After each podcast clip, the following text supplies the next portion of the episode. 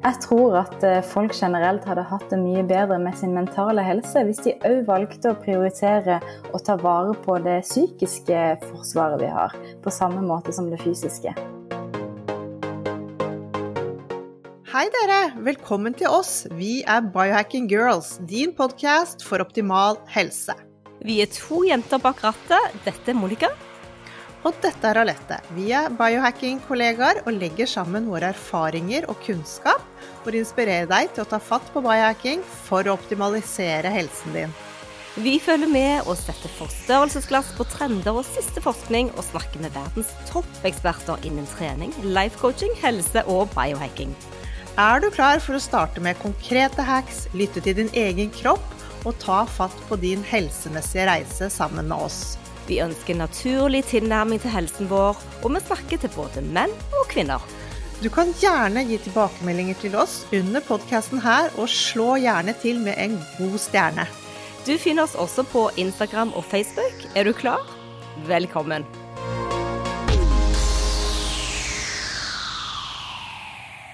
En bootcamp for psyken, det er noe vi alle kunne ha godt av, og det er tema i ukens podkast. Vi har med oss forfatter og podcaster Maria Abrahamsen, alias Syk deg, for en vandring innover i sjelen. JJ Virgin hun er Hollywood-PT, og hun er opptatt av at muskelstyrke det er det beste helsehacket du kan jobbe med. Hun sier faktisk følgende Don't wish it were easier, make yourself stronger. Det er et fantastisk utsagn eh, som jeg tenker at vi trenger, og at mental og fysisk styrke henger sammen, er helt klart. Og vi trenger gode verktøy for å få det bedre med oss selv. Og dette har jo òg innvirkning på hele fysiologien vår, hvordan vi mestrer alle de utfordringene og stormene som skjer rundt omkring i livet vårt. Men spørsmålet er jo da hvordan vi får dette til, og ikke minst hvordan man kan få mer ut av tiden vår i livet. Maria kaller konseptet sitt for raw mind. Jeg liker så godt det ordet, for hun tenker at vi må tilbake igjen til utgangspunktet vårt og skrelle bort det overflødiske. Hun tenker ikke på sånn raw food og sånne ting, men at vi starter med en litt sånn hjerne som er litt tom. Tanken er levende og et mer ubearbeidet liv. Et renere liv, kanskje. I hvert fall et liv som kan roe ned det negative stresset vi er omgitt av hele tiden. Jeg liker òg veldig godt det ordet der, og man kan liksom få litt sånn eh, assosiasjoner til et mindre prosessert liv, eller ja, hvor vi ser litt tilbake til sånn det var, og sånn vi ble skapt, og det kan jo òg innebære at vi omfavner oss selv litt i større grad. Og det vi gjør, vi forstår hvordan kroppen vår virker. Og da er det jo òg nødvendig å hoppe bakover i tid for å bli litt mer inspirert av disse forfedrene våre, det naturlige. Ja, og det er akkurat det vi biohackere er så opptatt av. Vi liker alt det nye, men vi må likevel ikke glemme å se tilbake på hvordan forfedrene våre bodde og levde, og ikke minst, de hadde ingen naturlighet til å bære mobiler og nettbrett sånn som vi gjør. Ikke satt de så mye i ro, og, og toppet det hele med stress som det vi gjør. Dette gir oss mindre tid og fleksibilitet vi trenger for å skape styrke og resiliens, som da betyr mot motstandskraft, og på mange måter er vårt psykologiske immunsystem. Ja, dette med fleksibilitet er et veldig uh, fint fokus, for det trenger vi i livene våre. For ellers blir vi bare værende i de gamle mønstrene som gjorde at vi endte opp der vi er. Med både stress og utfordringer og kanskje helseproblemer og plager. Men for å få det til, så må vi nok litt ut av komfortsonen og fokusere på det som er dagens tema, som du akkurat nevnte, Alette, nemlig resiliens. Maria Abrahamsen hun er psykolog og forfatter. Hun har podkasten I ro med Maria, og er opptatt av kvinnehelse og mental helse. Vi har blitt kjent med henne gjennom Instagram, og vi ser at hun er akkurat som oss, en kvinne som ønsker å være på sitt beste, en biohacker som søker optimal helse. Derfor er dette en helt naturlig gjest for oss. Vi skal snakke om life hacks, ro, resiliens, hormese, kvinnehelse og utfordringer i samfunnet. Velkommen til Biohacking Girls, din podkast for optimal helse! Hei Maria, og velkommen til oss fra to biohackere på denne siden til én biohacker borte hos deg. Hvordan har du det? Åh, oh, jeg har det veldig fint. I hvert fall nå. Veldig hyggelig å kunne snakke med dere. Fantastisk at du ville komme. Vi skal jo spørre litt om dine beste biohekser, men før vi går inn i det, så vil vi gjerne høre med deg hva du tenker når vi sier helhetlig helse, siden du òg er litt sånn biohacker hos oss. Ja, altså eh, Det er jo noe som har opptatt meg helt siden jeg studerte psykologi. At eh, hjernen vår er jo en biologisk klump, den òg. Så alt vi tenker og føler, det har sine forankringer i vår eh, biologi. Hjernen vår og nervesystemet og alt henger sammen. Til og med med tarmen vår og huden vår og absolutt alt. Hele kroppen henger sammen. Så det syns jeg er litt sånn interessant. At når vi tar vare på kroppen, så tar vi vare på psyken. Og når vi tar vare på psyken, så tar vi vare på kroppen. Mm. Det er veldig mange trender der ute med både mat og kosttilskudd og eh, mentale eh, trender som kommer og går, som påvirker oss. Eh, men hva er det som får akkurat deg til å starte og ta fatt på en reise? Jeg tenker jo at vi har et ansvar. Altså, og det har, nok, det har, nok, kjent på enda mer etter jeg ble forelder, på en måte. Det der behovet for å, å ikke bare leve lengst mulig, men òg ha best mulig livskvalitet og ha masse energi og overskudd. Eh, ikke bare fravær av sykdom, men òg eh, optimalisere helsa eh, hvis man kan. Og da, da finnes det jo ganske mange ting man kan gjøre som ikke jeg var klar over før faktisk oppsøkte informasjonen og fant ut av at man kan ta ganske mange grep som enkelt kan gjøre at man får det litt bedre i hverdagen. Eh, et veldig godt eksempel for min del er når jeg lærte dette med hva, en kald dusj har å si på HRV-en min f.eks. Men, òg eh, bare å merke at hvis jeg starter dagen med en kald dusj, så møter jeg barna mine på en helt annen måte enn hvis ikke. Altså det å senke stresset sitt med en gang man står opp, det har en veldig positiv effekt. For meg. Tenker du òg at det er veldig mange influensere og mange både leger og coacher som vil mene mye, og, og, og at det kan være litt frustrerende òg for oss uh, alle sammen å, velge hvilken vei man skal gå. Absolutt, og det er jo det som er så interessant både med, med forskning på, på, fysisk og psykisk helse, er at det, det er hele tida under forandring. Så det som vi driver med akkurat nå, kan godt hende at det blir debunket om uh, et par år til. Uh, men jeg tror at en av de tingene som, som, faktisk er veldig positivt for helsa vår, det er å, å ha en innstilling til helsa vår som noe vi ønsker å ta vare på. Så det å ha liksom helsa som et uh, slags prosjekt, og gå inn for å ta vare på den, det i seg sjøl tror jeg er ganske helsefremmende. At man har en sånn positiv innstilling til helsa si. Ja, helt klart. Jeg leste nemlig en ytring på NRK, og da var det dette med at det er så mange nå influensere og sånn som har laget dette til psykisk helse veldig sånn trendy, og de lever og ånder for det. og man føler seg liksom kanskje enda dårligere da, hvis man ikke har det bra. At det liksom, alle skal ha en liten skavank, og du er alltid noe du skal jobbe med. Hva tenker du rundt det, at det, at det blir trendy og, med dette med psyken? Ja, Altså Det der er jo utrolig vanskelig, ikke sant? fordi at vi ønsker åpenhet. Eh, og vi vil at folk skal snakke om eh, de tingene de strever med, og normalisere eh, angst og depresjon. Men så er det òg veldig vanskelig for folk å vite når det faktisk er psykisk sykdom, og når det er normalt. Så, så der har jo språket vårt en ekstremt viktig makt, egentlig, som vi jo må tenke over når vi snakker og kommuniserer, særlig med barn og ungdom, som ikke på en måte helt Eh, de trenger voksne til å veilede dem og forstå hva som er normalt og ikke. Eh, vi må klare å skille mellom hva som er helt normal, sunn frykt, og hva som er angst. Eh, for det at frykt, det skal vi ha, det er jo nødvendig for overlevelse. Ja, og jeg tenker også at vi må ha litt, litt motstand. At vi, vi, må ikke bli så softe. Altså, det er jo det vi vokser på, og det vi lærer oss selv og andre å kjenne på, er jo litt motstand også.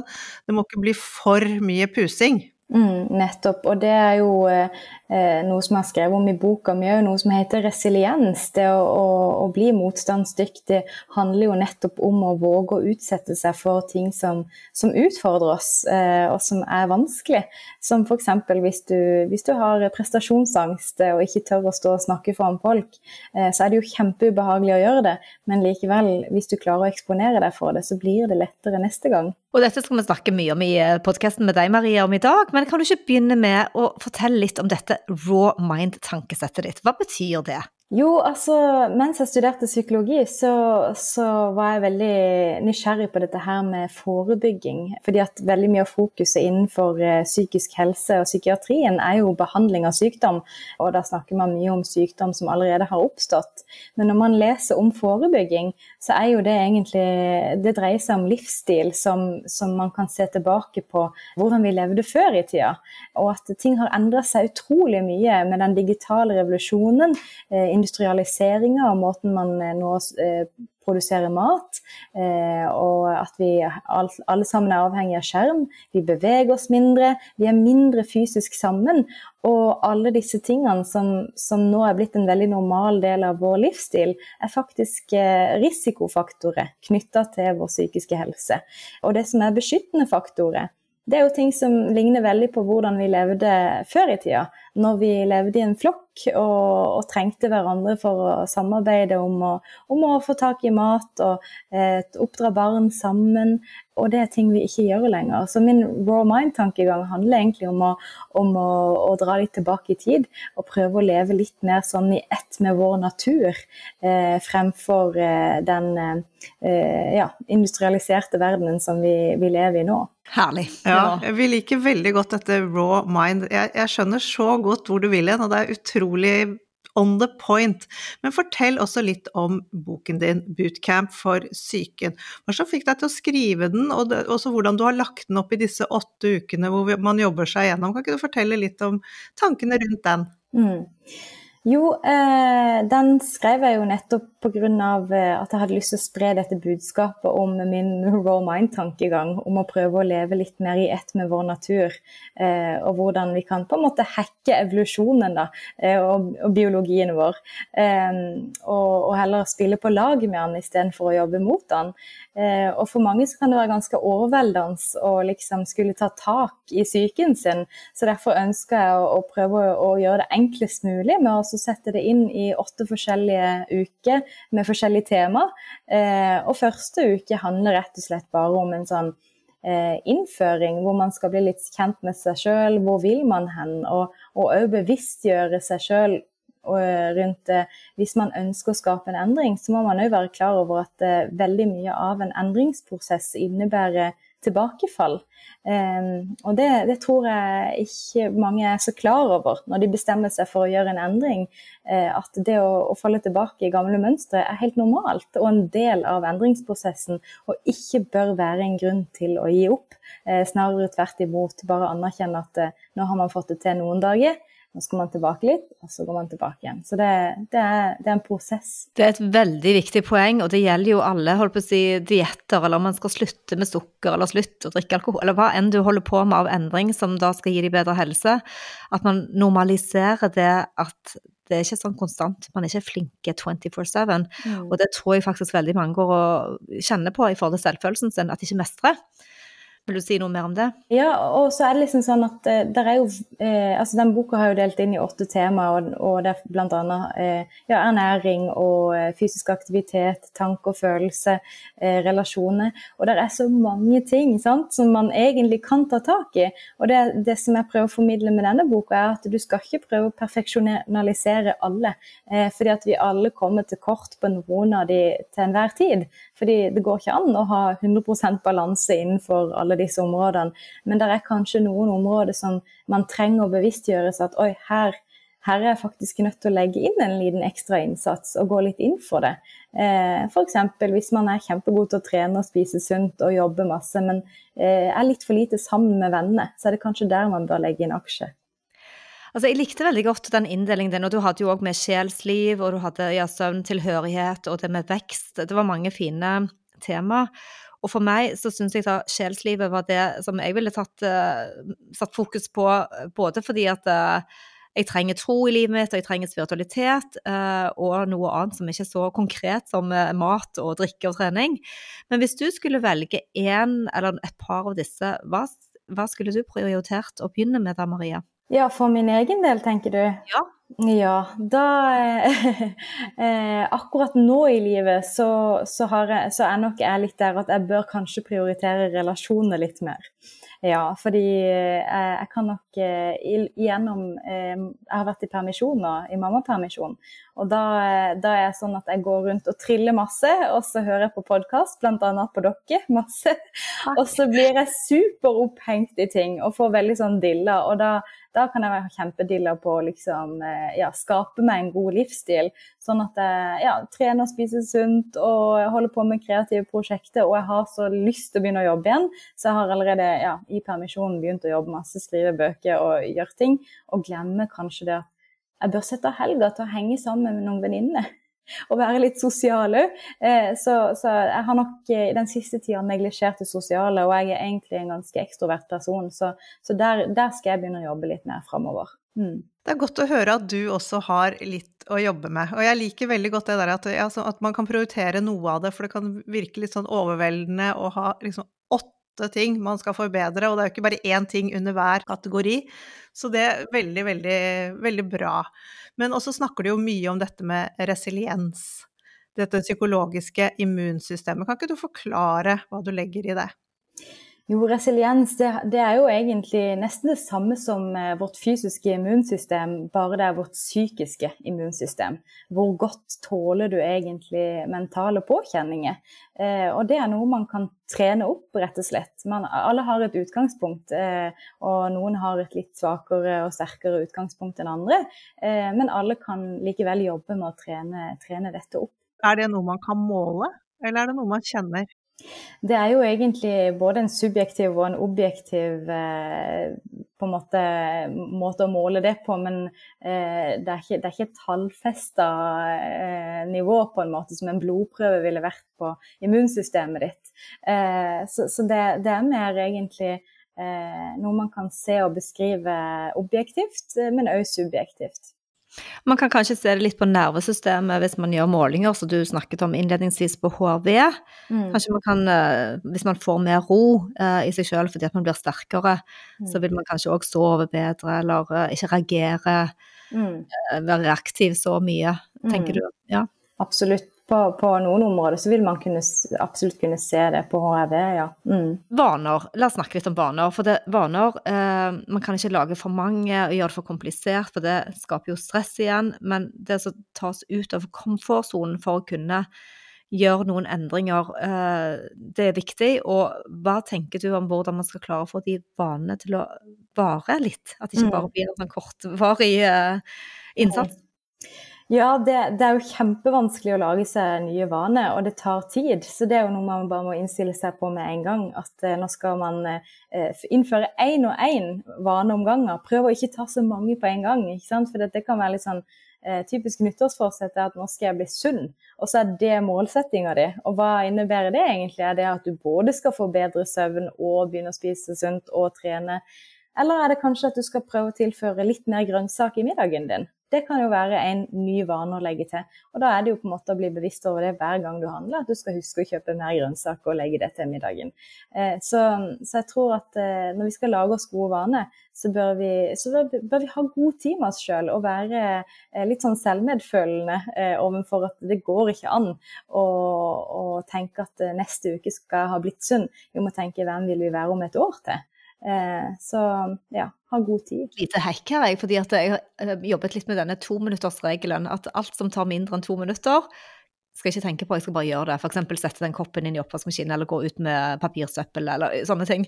Det er faktisk en god ting. Ja. Det er en veldig god ting. Og dette med vaner, hvorfor er det så vanskelig å endre de, eller legge til nye vaner? Hvorfor klarer vi ikke å tenke fremover i tid? For det det er så mange som Å, de har så dårlig tid, og det er så liksom, hva, er, hva, er, det med oss som gjør at vi ikke greier å se det året frem i tid?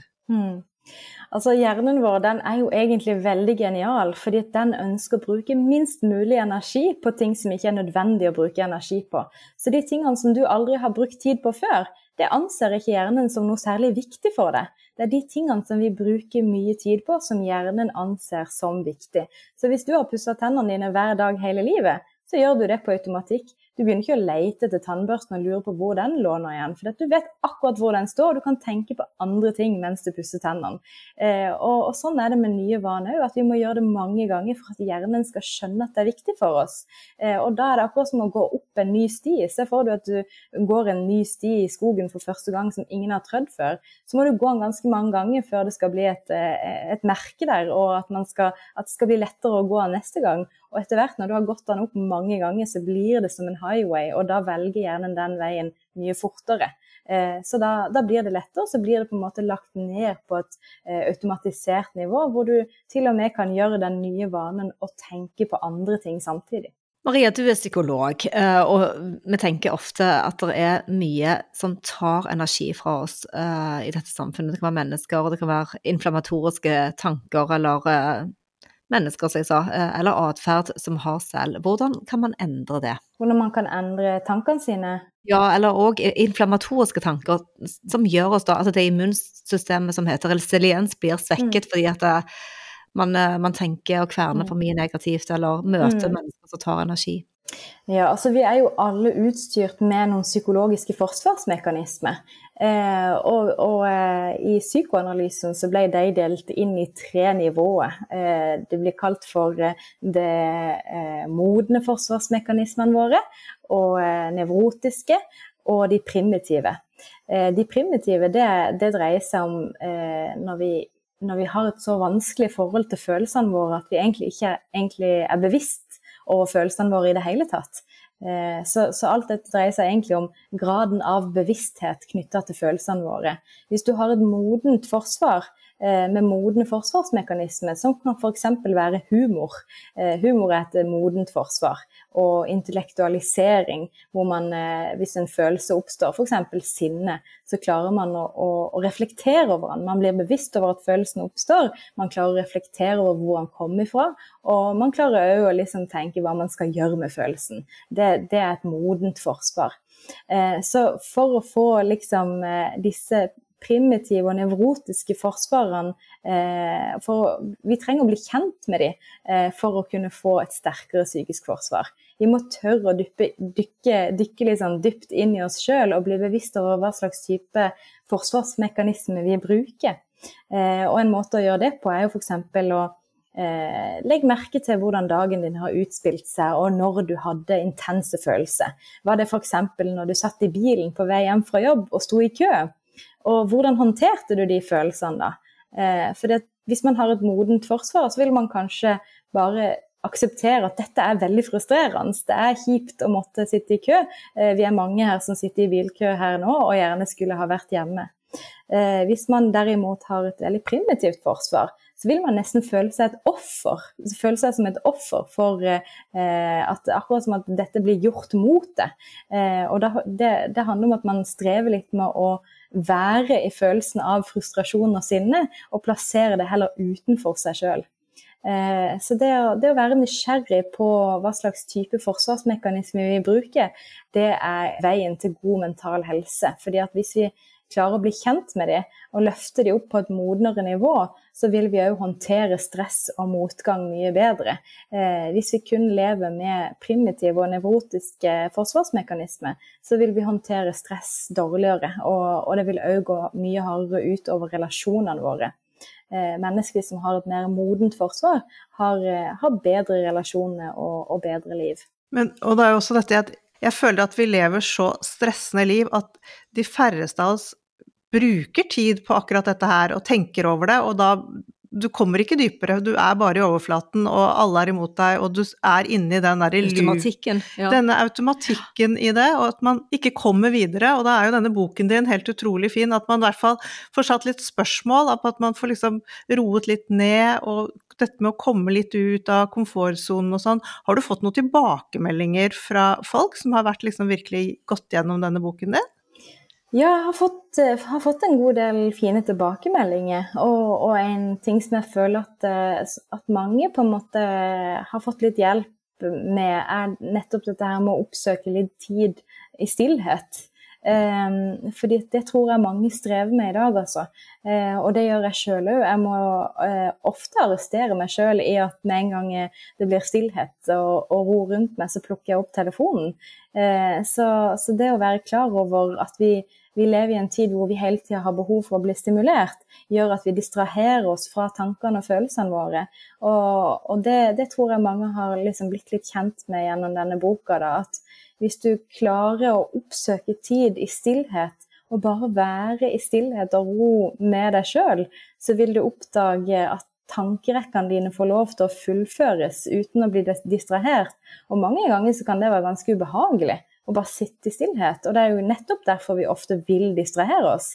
Men grunnen til at det er ubehagelig, er fordi at det er vanskelige følelser som dukker opp, som trenger å bli følt det er nettopp det en følelse vil, er jo egentlig bare å bli følt, for så å bli sendt videre. Og da, hvis man eh, strekker seg etter telefonen, så får man ikke tid til å føle den, fordi man hele tiden er distrahert. Men har du noen helt sånn konkrete heks på hvordan man kan gjøre det? Type hvis du sitter i bilkø eller er på matbutikken, hvor det er mm. naturlig bare trekke opp den telefonen og la seg distrahere? Ja, absolutt. Altså, bilkø er jo et kjempegodt eksempel. Jeg syns det er utrolig deilig å kjøre bil nettopp fordi at da føler jeg at da skal jeg, ikke, da skal jeg prøve å bare være i stillhet og, og, se hva som skjer i tankerekkene mine, og la de få utspille seg. Og, og mange ganger så får jeg liksom bearbeida noen følelser på den måten. Men òg det å, å, å, prioritere tid. Eh, jeg prøver å sette av tid til meditasjon. Eh, og det, det, er egentlig en veldig sånn kjedelig ting å bestemme seg for.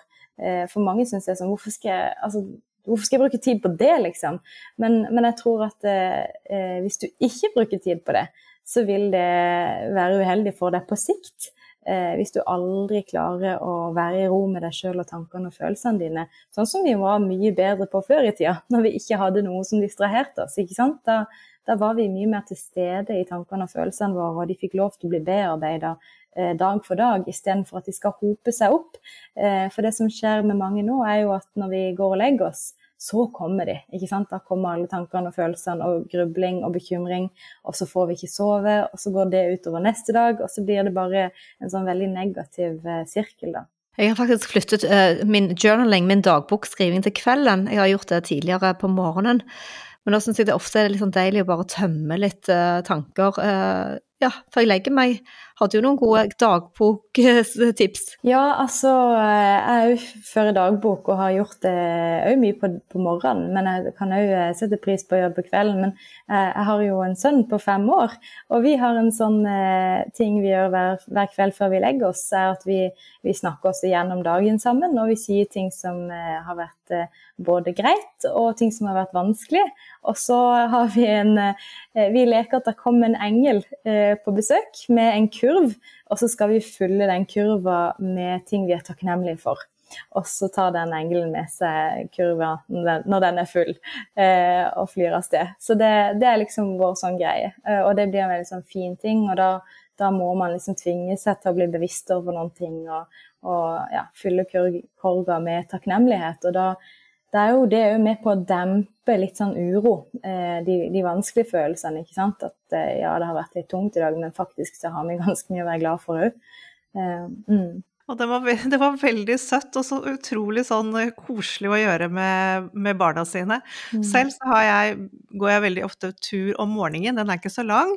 Og nå har jeg bevisst har jeg ikke med meg telefon. Jeg vet akkurat hvor lang tid det tar uten den telefonen, og det er utrolig deilig. Får jeg begynt dagen med å tenke gjennom og bare sortere istedenfor å hele tiden skulle høre på noe.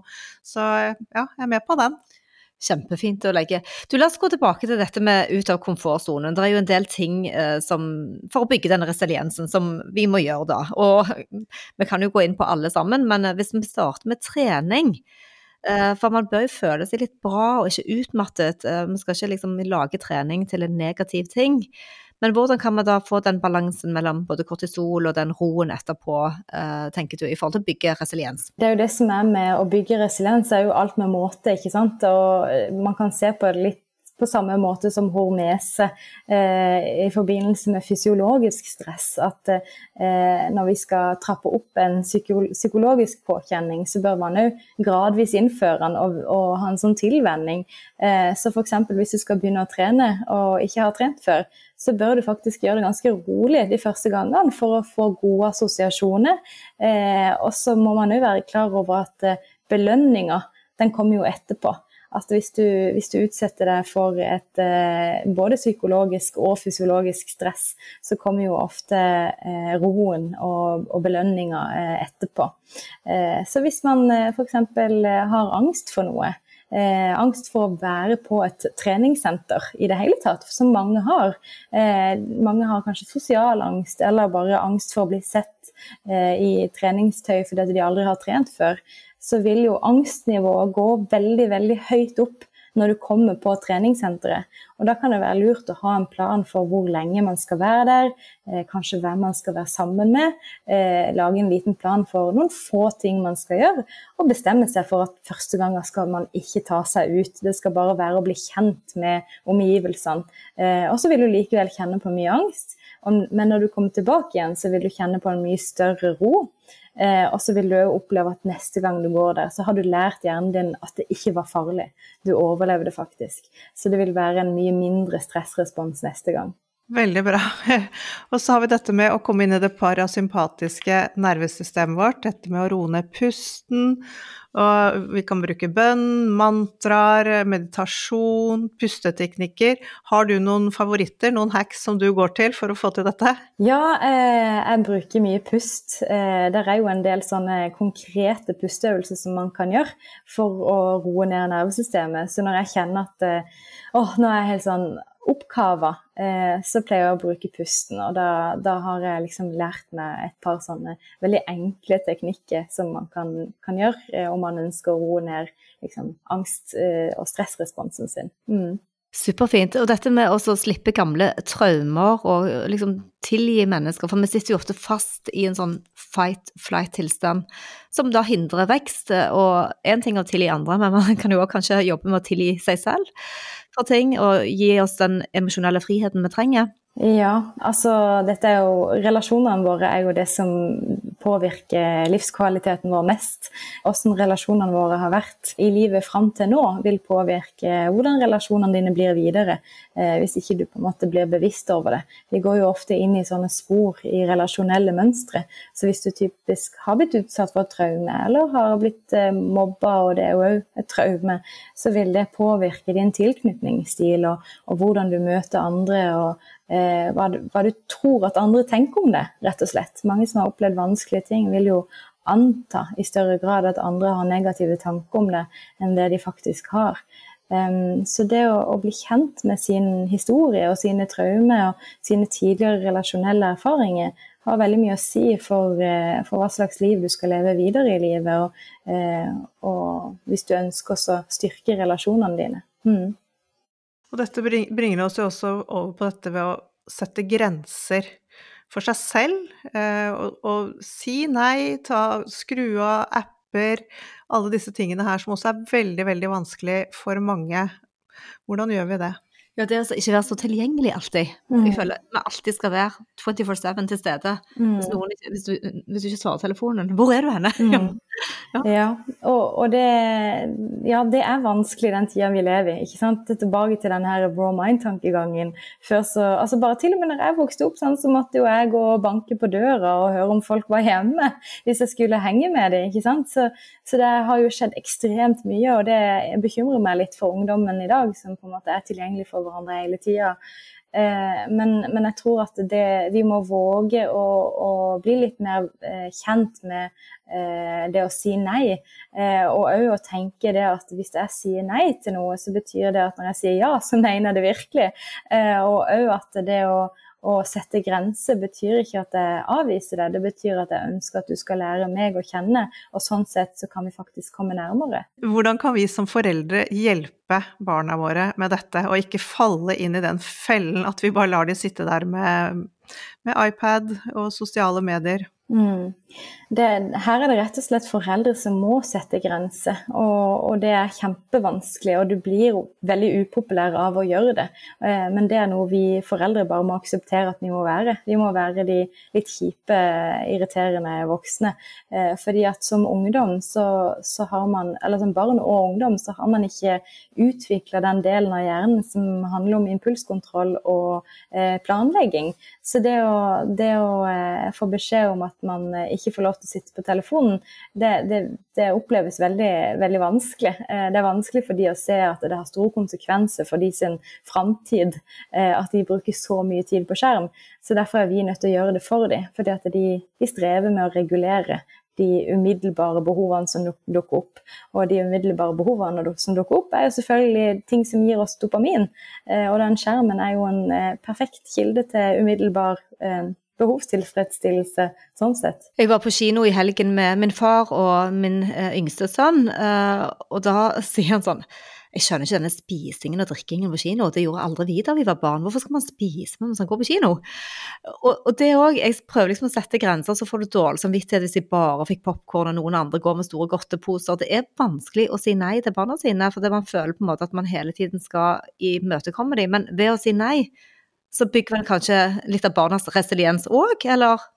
Absolutt, og, og, det er jo sånn, eh, sånn er jo verden, livet de skal møte etter ungdomsårene, er jo en verden som ofte sier nei til det, som, sier, som setter grenser for det. Så det å, det å, øve seg på å tåle et nei er jo en kjempeviktig del av en oppvekst. Så Eh, så ja, det, er, det, blir vanskeligere og vanskeligere å være forelder fordi det er så mange ting rundt deg hele tida. Jeg har nettopp vært eh, på ferie med barn, og eh, det er, det er så mange sånne ting hele tida. På buffé ikke sant? og på flyplassen av små leker du kan kjøpe og ting og tang. Så, så, så det, det, å være forelder innebærer i stor grad om å klare å si nei og stå i de neiene og være konsekvente. Eh, men det kan òg være nyttig, i hvert fall når barna er store nok, og, og forklare så godt man kan hvorfor man sier nei. Eh, og òg til, til små barn. Jeg prøver òg å si til min femåring hvorfor jeg sier nei til, til, at han skal spise det og det, eh, og forklare Eh, at det er enda bedre for kroppen din å spise dette. Så, så prøve så godt man kan å forklare hvorfor man setter de grensene man setter. Kan i hvert fall være litt sånn relasjonsstyrkende, sånn at de skjønner at det er i beste hensikt. Man tenker jo at man, det eneste man ønsker for barna sine, at de skal bli glade og trygge og lykkelige. Men egentlig så bør man jo tenke at man ønsker at barna skal tåle motgang, mm. tåle utfordringer. Jeg har jobba noen år i barne- og ungdomspsykiatrien, og da reflekterte jeg mye rundt dette med at vi i hvert fall den perioden så følte jeg at dette med angst var veldig nytt for mange. Eh, så mange foreldre var redde for barna sine sin frykt. Eh, så når de så Vi hadde mange sånne skolevegringssaker hvor eh, barna uttrykte angst for å gå på skolen, og så eskalerte det litt fordi at foreldrene da ble sånn De syntes det var ubehagelig å se barnet sitt redd, så de lot de være hjemme. Og det ser vi mange foreldre gjør med mange ting. at ja, hvis du ikke liker å være på håndball, og hvis du syns det er vanskelig, skal du selvfølgelig lov til å være hjemme. Altså, vi, vi på en måte skjermer de hele tida fra ubehag, mens da skaper jo egentlig barn som er redde for ubehag. Så med en gang det oppstår en ubehagelig følelse i kroppen, så blir de redde i tillegg. Eh, og det er jo kjempeuheldig, eh, fordi at 70% av følelsene våre er ubehagelige. Eh, og vi må tåle å ha de. Eh, og det er nettopp sånn vi kommer oss igjennom de ubehagelige følelsene, er jo å møte de og tåle de. Så, så, jeg tror at eh, foreldre må styrkes i å tåle å se at eh, barna skal ha ubehagelige følelser. Og det, du er ikke en dårlig forelder eh, på, av den grunn. Eh, snarere tvert imot. Det er en del av det å være en omsorgsperson. Og så kan man kanskje òg prøve å være litt ærlig og vise sitt uh, jeg òg som foreldre, da. Og du har jo nettopp selv vært gjennom en opplevelse som satte deg litt ut, Maria. Eh, kan vi ikke snakke litt om det? Ja, for du har jo hatt HPV virus, og det vi, dette med kvinnehelse har vi hatt veldig stort fokus på i poden i det siste, og vi lurte på om du ville dele med oss dine erfaringer og ja, hva som skjedde. Ja, altså mm, Jeg fant ut av at jeg hadde celleforandringer. Det var før jeg ble gravid med min andre sønn. Eh, for nå eh, ja, halvannet år siden fant jeg ut at jeg hadde celleforandringer. Men da var det bare noe man skulle følge med på, og eh, det var liksom ikke noe sånn farlig ennå. Eh, og så, eh, så når jeg da ble gravid, så ble de litt sånn Oi, det må følges litt ekstra opp. Eh, og da så de at de celleforandringene hadde økt litt, da. Så jeg måtte følges litt ekstra opp gjennom svangerskapet, og, men det gikk fint. Eh, også etter fødsel så tok en ny prøve, og da viser det seg at eh, nå var det eskalert såpass at eh, jeg måtte konisere, som det heter. At man da eh, kutter bort en del av livmorhalstappen for å fjerne disse celleforandringene. Um, så, så, det gjorde jeg for nå en måned siden. Uh, og uh, ja, opplevde at det var, det var, ikke, det var ikke så enkelt inngrep som jeg egentlig ble forespeila at det skulle være. Uh, med, så jeg hadde to uker etterpå så hadde jeg en veldig sånn styrtblødning rett før vi skulle reise i bryllup til Kypros. så da måtte jeg inn og operere på nytt, og de måtte brenne på en ny skorpe. Eh, og eh, ja, det skulle hjelpe, og, og, det gjorde det. Men jeg blør fortsatt, faktisk. Og nå er det ja, en måned siden.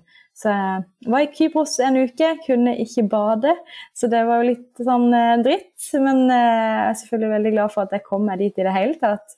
Men, eh, men nå kjenner jeg jo at jeg liksom har, Jeg tror at jeg begynner å få litt sånn blodmangel, så jeg skal ta en sånn eh, en ny tur til legen og sjekke det. Eh, og så ja, så det, ser jeg jo òg på Ja, det syns jeg er kjempeinteressant. Jeg har jo Garmin-klokke og følger med på HRV-en min, og den ble altså eh, halvert eh, etter operasjonen, og har vært halvert helt siden. Jeg har hatt en sånn gjennomsnittlig HRV på rundt 80, eh, og nå har han ligget på rundt 40 helt siden da. Interessant. Eh, men jeg må spørre, var du da på et vanlig sånn screeningprogram, det var der de oppdaget HPV-virus eh, hos deg? Mm, det ja, var det. det mm, og jeg har alle tre vaksiner òg som eh, man kunne ta. Mm. Og dette er jo en stressituasjon for deg og familien, og du skal på reise på toppen av det hele, og at du må nok en gang inn og ja, øh, brenne over en skorpe, som du sier, fordi at blødningene er så Og så får det konsekvenser etterpå, at du antageligvis så mister du mye blod nå. Mm. Uh, men hva vil du si til andre som er i samme situasjon, som ja, enten har uh, fått påvist, eller uh, tenker at det skjer ikke med meg? Mm. Eh, man ser jo nå at det er en økning eh, i disse tingene. Så jeg tenker at altså, det, jeg er veldig glad for at jeg ble fanga opp, og at de fulgte med på det og at de avventer så lenge de jo eh, kunne med å ta den operasjonen. Og det, det tror jeg er lurt, fordi at altså, celleforandringer kan jo forsvinne av seg sjøl. Eh, det gjorde det jo heldigvis ikke med meg, men jeg er jo veldig glad for at de nå har tatt det vekk, sånn at jeg da slipper den bekymringa. Eh, selv om det selvfølgelig er et, et stressende inngrep og kjipt for de konsekvensene det fikk, så er jo konsekvensene ved å gå med celleforandringer over enda lengre tid mye større. Så jeg vil jo på ingen måte utsette meg sjøl for å få eh, livmorhalskreft hvis jeg kan unngå det. Men nå har du fått to barn, og hvordan kan man da snu den Nå snakker vi om resiliens igjen. til å liksom kunne se ja, at man ikke kommer inn i en sånn offersituasjon, men at man prøver å snu dette på en eller annen måte. Hvordan jobber du mentalt og kognitivt på det da? Mm.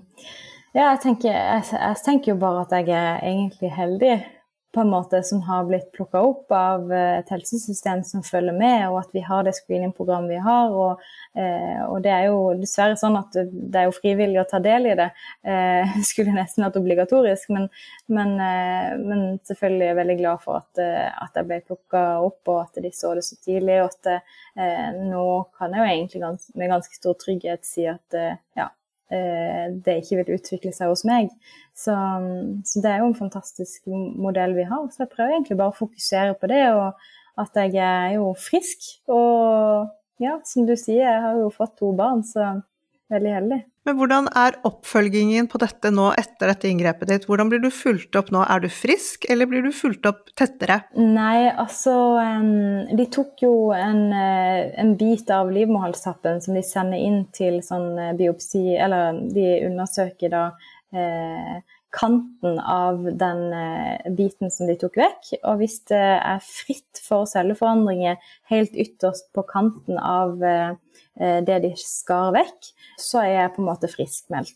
Men hvis det fortsatt er noe celleforandringer, så vil de antageligvis først og fremst følge det litt opp og se hvor store disse celleforandringene er. Eh, og muligens så må man konisere på nytt hvis det, hvis det er enda mer spredning, da.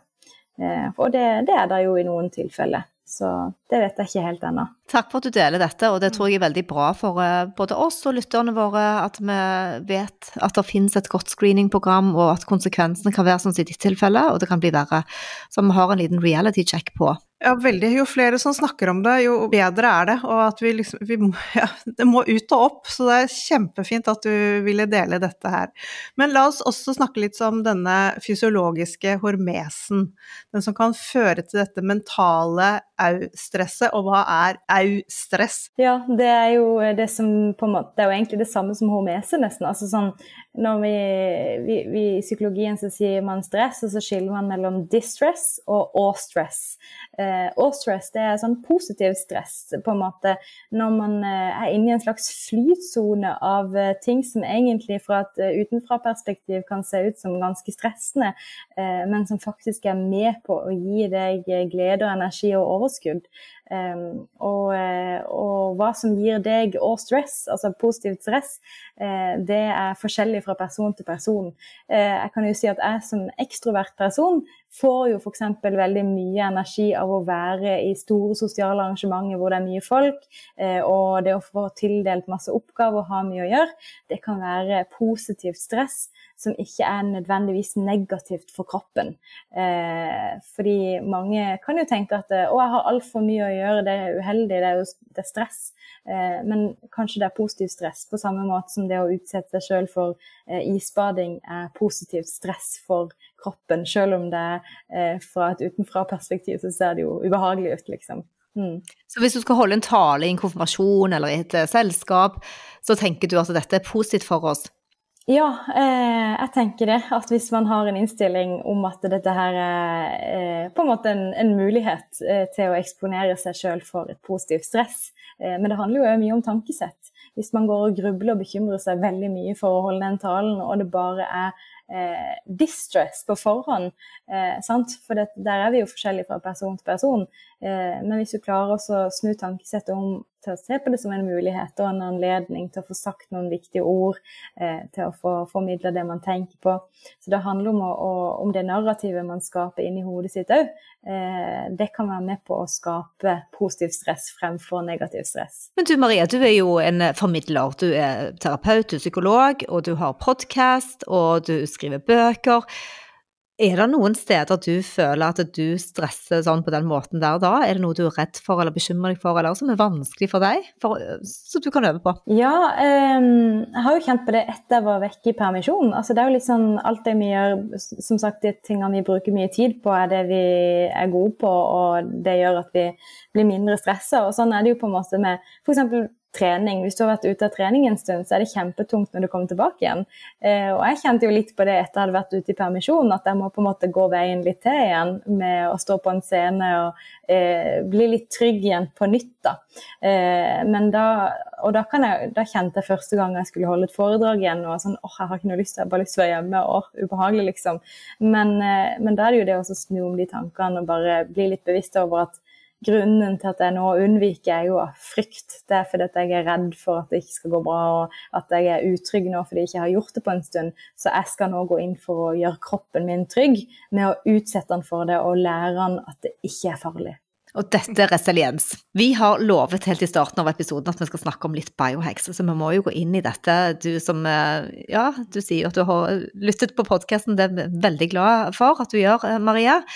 Hva har du noen gode biohacks du gjør eh, som går på kosthold eller måte du spiser på eller ikke spiser på? Ja, eh, altså jeg har alltid vært opptatt av at trening og kosthold eh, har en påfallende viktig betydning for men vår mentale helse.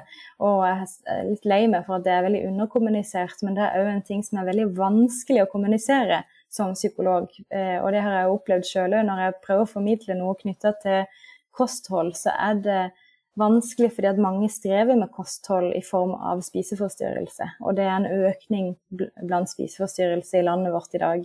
Eh, så det å snakke om kosthold på en måte som ikke trigger rigiditet, eh, det, er, det, er, en kunst, altså. Eh, men samtidig så er vi rett og slett der i dag at vi umulig kan unngå å ha et følelsesmessig forhold til mat. Fordi at hvis vi lever på bare ultraprosessert mat, så har vi jo òg et uh, følelsesmessig forhold til mat. Vi er kanskje litt avhengige, og vi vil ha litt uh, store uh, blodsukkerfall og stigninger og disse tingene her. Så, så, jeg tror at vi alle i dag har, siden mat er så tilgjengelig for oss som det er, så har vi alle et slags følelsesmessig forhold til mat. fordi at mat er godt, og derfor er det mange som bruker det som følelsesregulering. Um, men for min del, eh, en biohack for min del er jo rett og slett å, å prøve å spise så, så, ren mat som mulig. altså Så raw mind-aktig som mulig, så, så, nært naturen som mulig. Eh, så jeg spiser hel mat. Jeg spiser mye, mye frukt og grønt og eh, hele korn og, eh, ja, og, kjøtt og fisk og eh, ting som er gjerne fra lokale råvarer. jeg bor jo på Sørlandet i en liten by som heter Farsund, og vi har masse sånne lokale bønder som har gårdsutsalg, hvor du bare kan gå og plukke og så bare vippser du penger, og så er det ingen som står der. Det er liksom tillitsbasert og nydelig. Så, så det, det, benytter jeg meg mye av. Og det husker jeg, for jeg er jo fra Stavanger, så jeg husker jo ute på Hå gamle prestegård der ute, vi pleide alltid å dra på søndagstur og se på kunst, og så kunne man gå i kafeen og velge det man ville, så la man penger i en skål. Ja. Det å ha tillit, det må jo òg gjøre noe med vår mentale eh, resiliens, tenker jeg. Eh, ikke sant? At man, man, man, blir stolt på at man gjør de riktige valgene, eller at man Mm, ja. Absolutt. Det gir jo en slags følelse av at vi er en flokk, vi tar vare på hverandre. Og det, det, gjør, det gjør, mye godt for psyken vår. Så, så det, det, er både dette med kosthold, men så er jo òg for min del i forhold til psyken, så har trening veldig mye å si. Og det må jeg jo ærlig innrømme at det har vært litt vanskelig for meg den siste måneden. Så har jeg fått beskjed om å holde meg i ro for å få såret til å gro. Eh, og det syns jeg er kjempevanskelig, fordi jeg både er veldig rastløs og jeg vet at det å, å få opp pulsen har veldig mye å si for min mentale helse. Eh, forskning viser jo at hvis man klarer å få opp pulsen tre ganger i uka opp til 45 minutter ca., eh, så har det like god effekt som eh, antidepressiva har hvis man lider av mild til moderat depresjon. Og det, det lærte jeg i løpet av studieårene mine, og har egentlig ja, siden da alltid hatt det som en vane å, å trene minst tre-fire ganger i uka. og det det, hvis jeg ikke får gjort det Det er jo egentlig når jeg ikke får gjort det, at jeg merker hvor viktig det er for psyken min. For da kjenner jeg at jeg blir tyngre og litt mer sånn engstelig og ja, litt mer nervøs og stressa. Mm. Men hva gjør du da, for det, det, kan jeg kjenne meg godt igjen i. Hva gjør du nå da for å klare det? Har du noen hacks? Mm, det, det, er jo det vanskelige, men enkle ordet som aksept, egentlig. At man må på en måte bare gå inn for eh, å akseptere at dette er for en periode. Eh, og det, ja, det dreier seg jo egentlig om forsvarsmekanisme, det òg. Å prøve å, se på dette som en isolert situasjon som går over. Eh, sånn, sånn hadde jeg det litt i graviditeten òg, når jeg på slutten var litt sånn dritlei. ikke sant? Så er det jo det å bare minne seg sjøl på at dette er, dette er dritt og vanskelig akkurat nå. Og, men det går fint, for det er periode. Det går over. Eh, snart skal jeg få tilbake igjen min kropp, og jeg skal kunne trene og løpe igjen. Og, og det blir deilig. Og så tror jeg at eh, det i seg sjøl, å akseptere at nå er jeg nede i en litt sånn vanskelig dal, eh, det òg skaper jo motstandsdyktighet. Det å tåle å være der nede og kjenne på at dette, dette er litt tøft, egentlig. Eh, det, det er jo en del av livet i seg sjøl. Vi skal kjenne på opp- og nedturer. Og da kommer vi jo litt tilbake til det vi snakket om før, det der å kunne se langt fremover. Prøve å se et år frem i tid, så er ikke de fire ukene så mye av den tiden. Så mm, Veldig bra. Du vet at eh, verdens hundreåringer de har jo da eh, etter studier vist å bevege seg. Så man, bare man beveger seg, så, så, kan man da øke sirkulasjon og livslengde. La oss snakke litt om lys, Maria. Eh, har du noen gode heks på ja, noen tanker rundt hvordan du får en god lyshygiene mm. i forhold til å påvirke helsen din? Ja, altså jeg er jo veldig opptatt av å få god, eh, best mulig søvn. Og særlig nå som jeg er småbarnsmor, fordi at da er søvnkvaliteten ganske dårlig når jeg ammer hver, ja, annenhver time nesten i løpet av natta uansett. Så da, da, er det veldig viktig for meg å få ekstra god kvalitet på søvnen, og da bruker jeg lys. Eh, det første jeg gjør om morgenen, det er å sette meg ut i ja, på utsida eller åpne døra og så sette meg der og drikke kaffe og eh, få lys på øynene eh, for å bry, bryte ned melatoninproduksjonen og òg øke kortisolproduksjonen. Fordi kortisol er jo et stresshormon som vi skal ha. Eh, men det er lurt å ha det tidlig på dagen. Eh, og sola det trigger dette, da. Så ikke bare sola, men det trenger ikke å være sol. Men om det er overskyet, så hjelper det òg å sitte ute og få lys på øynene. Så, så, det i seg sjøl, det, det, funker bedre nesten enn koffein ikke sant, for min del. Før så var jeg kanskje litt sånn at det første jeg gjorde eh, i studietida når jeg bodde i en eh, høyblokk i Budapest, i en mørk eh, leilighet, var, var å chugge på koffein. ikke sant? Men, men, nå har jeg begynt å bruke lys mye mer, og det, det hjelper veldig. Og det gjør at jeg blir, jeg blir, skikkelig trøtt når kvelden kommer. Det er sånn, ja, eh, Da har jeg ikke noe valg annet enn at jeg sovner ganske fort. Mm. Kan vel si at dette er musikk i ørene våre, Anette. Nydelig musikk er det, rett og slett. Hva med kvelden, da? Hva gjør du av lyshygiene på kvelden? Da pleier jeg Altså, jeg føler liksom i, i forhold til mine ja, venner, så er jeg kanskje litt kjedelig. Men jeg ser veldig lite på TV. Eh, hvis jeg ser på TV, så er det faktisk eh, kanskje litt sånn på ettermiddagen. Men eh, jeg ser lite på skjerm og sitter mye i sofaen og prater i telefonen, kanskje med venner eller med samboeren min. Og vi eh, ja, kan drikke, jeg kan sitte og drikke en kopp med noe te eller matcha og bare prate. Eh, senke roen litt sånn. Eller høre på podkast. Det, det syns jeg er behagelig. Da finner jeg litt sånn ro. Eh, også, også, men jeg er jo liksom sær akkurat nå fordi at jeg har to små.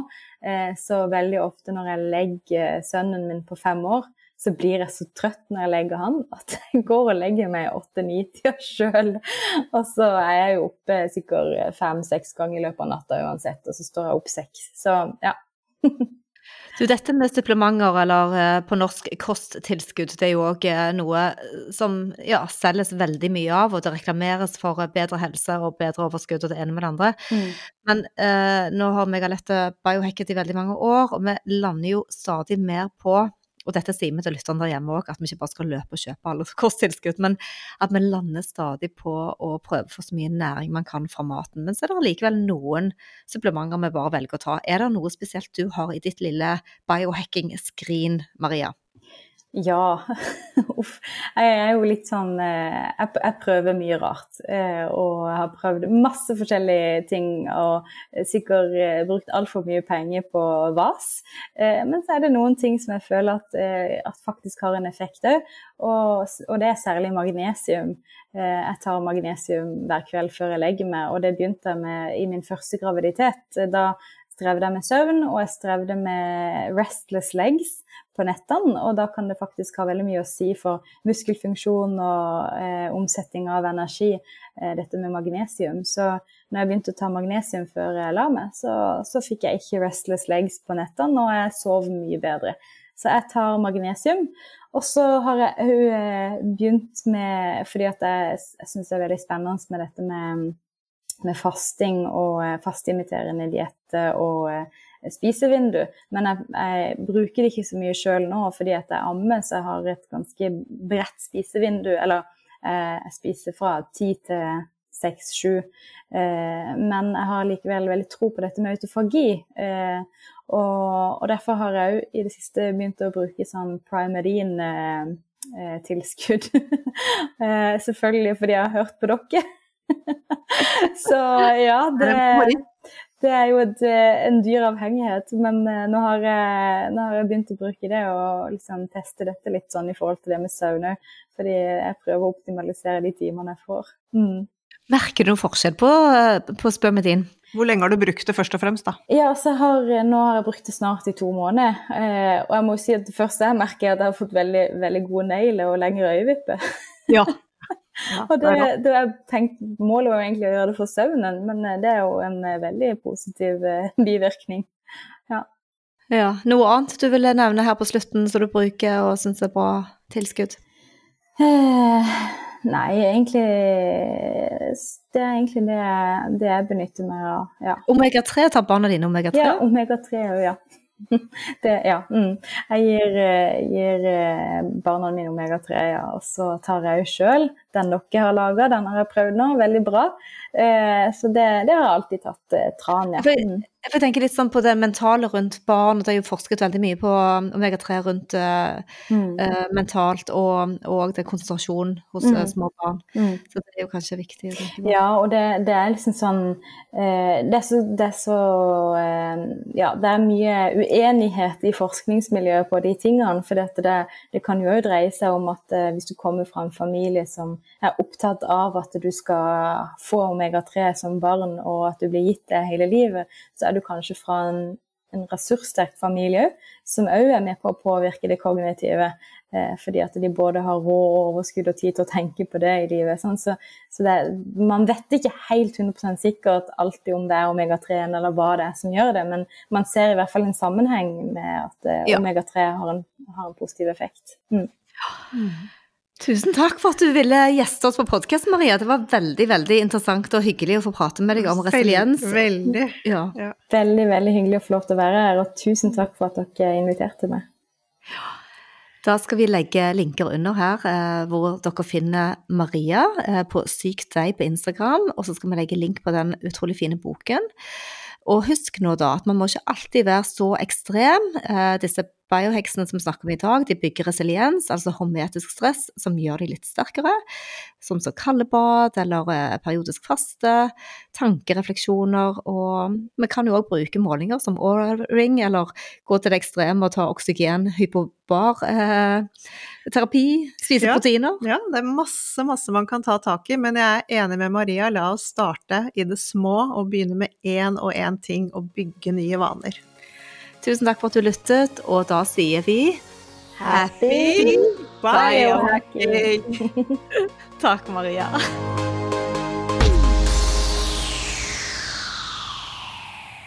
Vi minner om at dere må snakke med egen lege eller kostholdsveileder om dietter og andre spørsmål relatert til medisiner og supplementer. Informasjon vi deler kan ikke bli brukt til å diagnostisere, behandle, forebygge eller kurere noen sykdommer eller tilstander.